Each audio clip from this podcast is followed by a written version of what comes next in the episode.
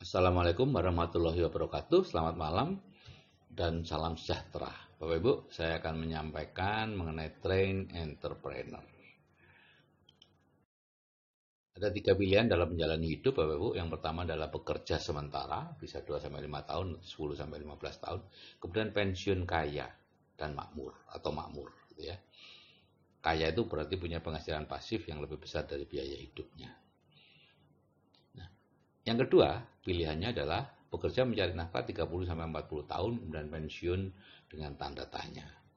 Dan yang keempat, eh yang ketiga sorry, bekerja mencari nafkah sampai akhir hayat selama 40 sampai 60 tahun. Ya, bisa pada satu pekerjaan seperti dokter, pengacara dan lain-lain, tapi bisa juga dalam berbagai pekerjaan seperti tentara, pensiun kemudian menjadi satpam, pensiun kemudian bertani atau berdagang. Nah, kira-kira dari ketiga pilihan tadi, mana yang paling enak Bapak Ibu? Ya, tentunya yang paling atas ya. Men problemnya adalah hanya sedikit sekali yang tahu bahwa yang di atas itu ada. Saya baru tahu yang di atas itu ada pada umur 49 tahun Bapak Ibu. Ya. Sebagian besar orang tidak tahu sampai meninggal bahwa yang di atas itu paling atas itu ada nomor satu itu. Nah kebanyakan yang paling enak mana? Yang paling bawah tentunya. Tapi orang yang orang-orang yang di nomor dua, ya, yang pensiunnya masih bingung, biasanya menganggap yang nomor tiga itu lebih enak. Ya, karena bisa bekerja terus tanpa harus pensiun. Ya. Jadi ini tiga pilihannya Bapak Ibu. Nah untuk bisa mengetahui pilihan-pilihan kita, kita harus tahu yang disebut cash flow quadrant. Jadi ini adalah cash flow quadrant dari Robert T. Kiyosaki. Ya. Ada empat cara kita mendapatkan nafkah. Yang pertama sebagai employee, yaitu pegawai, karyawan. Kedua self-employed, yaitu pengusaha kecil atau profesional seperti dokter, notaris, pengacara, dan lain-lain. Dan yang keempat, ketiga adalah business owner, pemilik bisnis bersistem, ya, di mana semuanya sudah autopilot, yaitu ada konglomerasi, ada waralaba, dan networking. Ada tiga macam bisnis bersistem. Dan yang keempat adalah investor. Nah, yang di sebelah kiri itu disebut kuadran kiri, itu active income, yaitu kita bekerja untuk mendapatkan uang dan bawahnya stres. Kenapa? Karena di sini ternyata semakin besar penghasilannya, semakin besar pula masalah keuangannya. Hutangnya semakin banyak dan lain-lain. 95 orang ada di sebelah kiri dengan uangnya hanya 5% uang yang ada di sebelah kiri. Nah, sebelah kanan ini passive income yaitu penghasilan dari hasil aset ya dan semakin besar freedom ya kita freedom di sini ada 5% orang dan uang yang beredar di sini 95% uang yang ada di dunia jadi Robert Kiyosaki menyarankan mereka yang sedang di-employ dan self-employ saat ini jangan terlalu lama di situ, segera pindah ke business owner atau investor. Nah, keduanya ini beda karakter dan bahasanya Bapak Ibu. Ya employee itu biasanya takut. Ya, pegawai itu takut takut dipecat karena takut dipecat maka takut berbuat kesalahan, ya, takut mengambil risiko bahkan takut mencoba. Yang S self employed itu tidak percaya bahwa orang lain bisa mengerjakan sebaik dia. Kemudian mereka biasanya bekerja bicara tentang pekerjaan, proses teknik mengajar, pengobatan, teknik peternakan.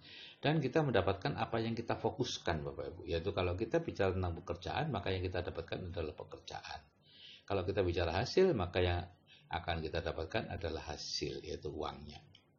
Jadi orang-orang di kuadran kiri itu umumnya tabu bicara uang atau kaya. Kalau Bapak Ibu bicara dengan dosen, dengan dokter, kemudian mengatakan bahwa mereka bekerja keras, minggu lembur, sabtu lembur untuk mengejar uang, mereka akan marah. Bapak Ibu ya, mereka sangat tabu bicara tentang uang dan kaya. Dan akibatnya apa? Ya mereka akan bekerja terus. Gitu. Nah, yang katakan adalah business owner dan investor. Ini biasanya orang yang percaya kepada orang lain, kemudian mereka berani mengambil risiko dan sabar menunggu hasil. Ya.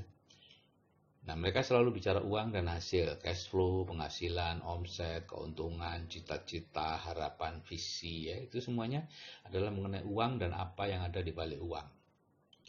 Akibatnya apa Bapak Ibu? Kalau di kuadran kiri umumnya numpuk harta, numpuk e, beban, yang yang menyebabkan mereka semakin miskin yaitu rumah, mobil dan lain-lain ya Anda lihat di buku di kecerdasan finansial. Sedangkan uangnya itu ke kanan, Bapak Ibu ya. Ke kanan. Jadi yang kanan ini numpuk uang. Gitu ya. Nah, ini Bapak Ibu, beda karakter dan bahasa. Mereka tidak bisa nyebrang seperti ada hambatan gitu ya. Orang-orang kuadran kiri mau ke kuadran kanan tuh tidak bisa. Gitu ya. Sebaliknya orang kuadran kiri yang mengerjakan eh, bidang-bidang kuadran kanan juga tidak bisa. Banyak sekali para direktur, pensiunan direktur ya, yang kuadran kiri ya, pensiunan direktur BUMN dan lain kemudian berbisnis dan ternyata gagal. Banyak sekali. Jadi kuadran kiri dan kanan itu seperti bumi dan langit Bapak Ibu. Kuadran kiri itu aktif income, 95% orang berebut 5% uang, pekerjaannya berat, hasilnya sedikit. Gantian ya, ada pensiun, ada PHK. Kemudian semakin lama semakin berat dan semakin mahal, ya pendidikannya harus semakin tinggi ya. Kalau dulu guru cukup sekolah guru B, SD plus tiga uh, tahun, sekarang harus sarjana pendidikan. Dokter juga begitu, dulu dokter umum sudah top. Saya sekarang kalau tidak konsultan, tidak bisa tidak bisa kaya katanya gitu ya. Bidan juga gitu, e, dua cukup pendidikan P2B, ya, sekarang harus S1. Sekarang bagaimana anak dan cucu kita? Mungkin harus S3, S4, S5 nanti. Ya, kita tidak tahu kreativitasnya masing-masing. Nah, sebaliknya yang kuadran kanan itu 5% orang berbagi 95% uang, pekerjaannya ringan, hasilnya besar, dan penghasilannya bisa diwariskan. Nah, yang menarik adalah ini Bapak Ibu. Dulu orang kota kanan itu eksklusif keluarga kaya. Kalau tidak keluarga kaya, tidak ada, tidak akan bisa Bapak Ibu ke kota kanan ya. Tapi sekarang ada train entrepreneur. Itu semacam universitas terbuka, menyediakan mentor, seminar, buku, CD, dan lain-lain. Jadi sekarang orang sudah biasa, ya orang biasa sudah bisa dari kuadran kiri ke kuadran kanan. Dan saya sudah ada di kuadran kanan Bapak Ibu 12 tahun terakhir ini dan saya tidak mau pergi ke kuadran kiri. Jadi ini memang hanya searah aja. Ya, dari kiri ke kanan, dari kanan ke kiri nggak mau. Saya juga tidak ingin anak-anak saya ke kuadran kiri lagi yaitu bekerja mencari uang. Ya. Kalau kita lihat dari generasi ke generasi, kuadran kiri itu atau yang aktif income itu semuanya dimulai dengan dari dirinya sendiri dan dimulai dari dasar, tidak bisa meneruskan. Jadi ayahnya yang guru, anaknya mungkin dokter tidak bisa meneruskan gurunya, cucunya mungkin pegawai bank tidak bisa meneruskan bapaknya yang dokter. Semuanya dari bawah. Sebaliknya di yang kanan itu bisa meneruskan, Bapak Ibu, ya, meneruskan mengawali dari eh, apa yang sudah dicapai oleh orang tuanya. Sehingga dengan begitu bisa sampai ke puncak sukses karena bisa meneruskan. Itu yang saya sukai dari kuadran kanan. Apa pun yang kita kerjakan sekarang bisa diteruskan oleh anak-anak kita. Nah, cara pindah kuadran itu cara lama adalah seperti ini dari employee ke self employee ya. Anda karyawan misalnya kemudian keluar Anda membangun usaha.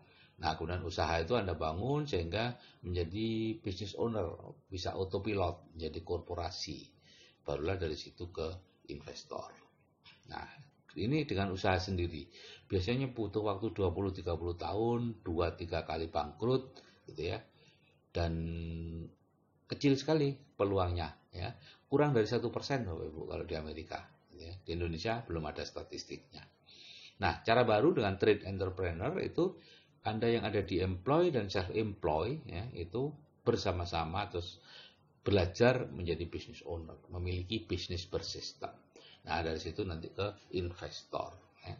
Kemarin ada tiga, tadi ada tiga macam bisnis bersistem yaitu konglomerasi, waralaba, dan networking. Jadi cara pindah kuadran itu diawali dengan merubah pola pikir, ya, pola pikir, melakukan reinstall kalau bisa. Sayangnya tidak bisa di reinstall, jadi hanya bisanya hanya diencerkan dengan pola pikir orang kuadran kanan.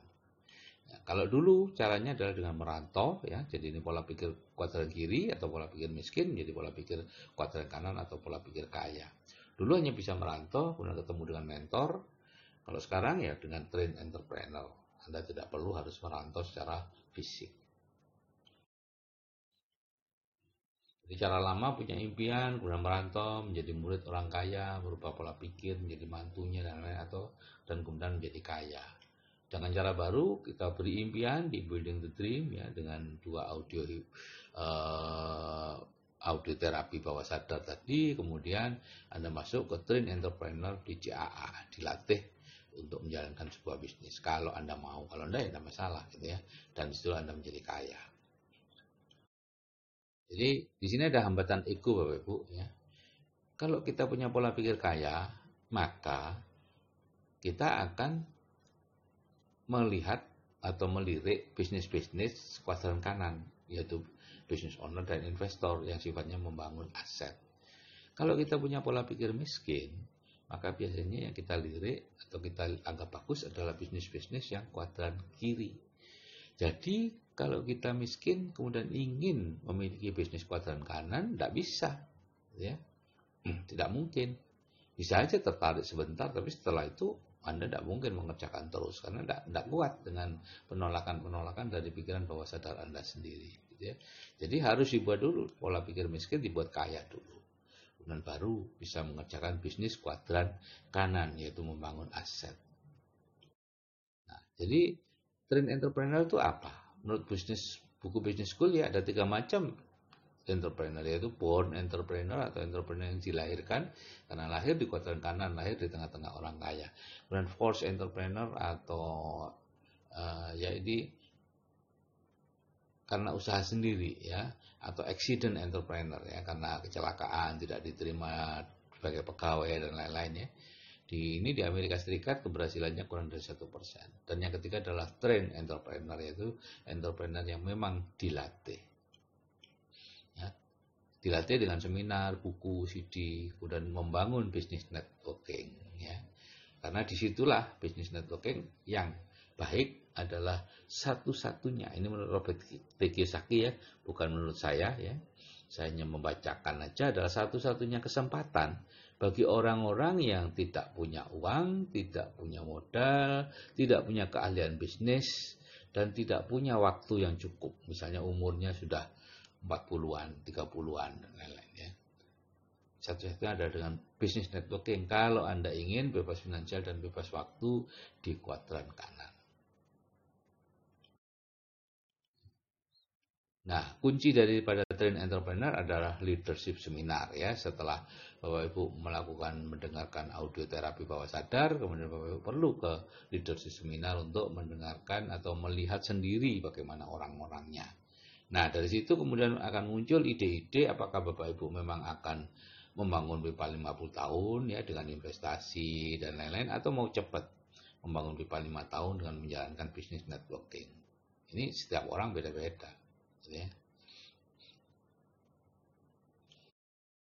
Jadi leadership seminar itu diadakan tiga kali setahun di lima kota, Jakarta, Medan, Surabaya, dan Pasar, dan Makassar. Di situ yang berbicara adalah orang-orang yang sudah berpenghasilan pasif 100 juta lebih. Dan di situ yang kita perlukan bahwa kita perlu role model yang mana bahwa memang ada orang-orangnya. Ya, kita mendengarkan audio terapi bawah sadar itu untuk meningkatkan plafon rezeki menjadi 100 juta sebulan, tapi kita perlu melakukan uh, internalisasi dengan cara melihat orang-orang yang sudah berhasil di situ. Ada 12 hal yang dipelajari ya, team building, time management, goal setting, people skill, communication skill, leadership skill dan sebagainya. Ya, ini tidak terlalu penting karena ini di buku-buku juga banyak gitu ya. Tapi yang paling penting adalah ke-12 hal ini bisa diterapkan atau bisa diajarkan, dilatih di uh, bisnis networking yang baik.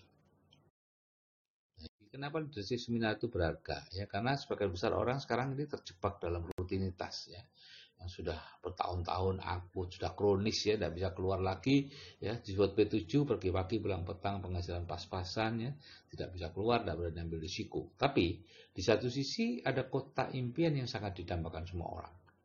Tapi bagaimana keluar dari hutan dan menuju ke sana? Kita tidak tahu jalannya. Leadership seminar itu ibarat helikopter yang mengangkat kita naik supaya bisa melihat medan. Nah, kemudian di sana kita lihat ya orang-orang yang sudah berhasil, jalan-jalan tikusnya, ya, bagaimana kehidupan orang-orang tadi dan seterusnya. Dan itu membuat kita merasa bahwa oh saya bisa. Nah, itu Bapak Ibu yang paling dibutuhkan. yaitu perasaan bahwa Bapak Ibu bisa. Kalau itu sudah muncul, kepercayaan itu sudah muncul, maka Bapak Ibu juga akan bisa.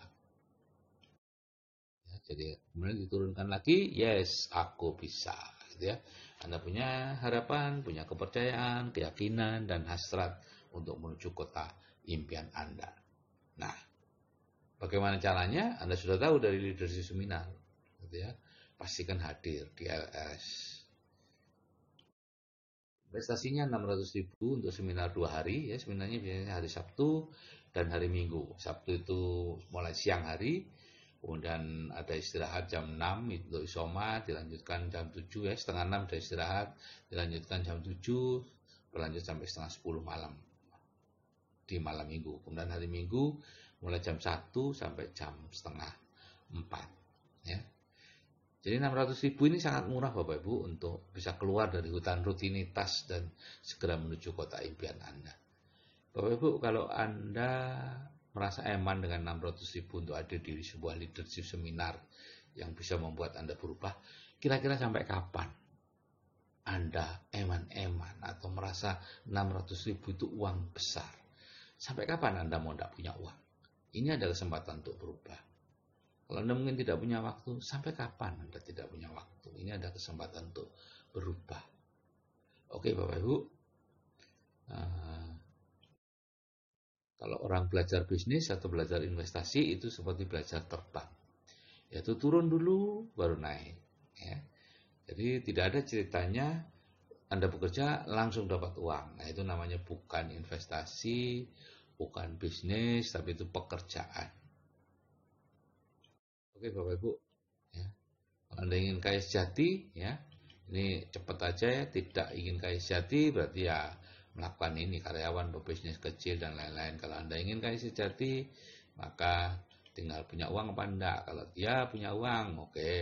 Anda jadi investor atau waralaba tidak punya uang, ya sudah Anda tanya usianya kurang dari 30 tahun atau enggak. Kalau kurang dari 30 tahun, maka Anda silakan membangun bisnis konglomerasi dan networking ya, membangun bisnis biasa, uh, kemudian membuatnya autopilot atau membangun bisnis networking. Tapi kalau Anda usianya lebih dari tiga tahun, 30 tahun, maka tidak ada tempat selain bisnis networking. Dan saya dulu menolaknya, ya. sangat saya tolak karena saya memenuhi semua persyaratan untuk bisa menjalankan bisnis atau harus menjalankan networking, tapi saya tidak mau. Oke Bapak Ibu, jika saya yang sudah berumur saja bisa berubah, kemudian menjalankan train entrepreneur, Anda juga pasti bisa. Oke, saya akhiri sekian. Wassalamualaikum warahmatullahi wabarakatuh. Selamat malam dan salam sejahtera.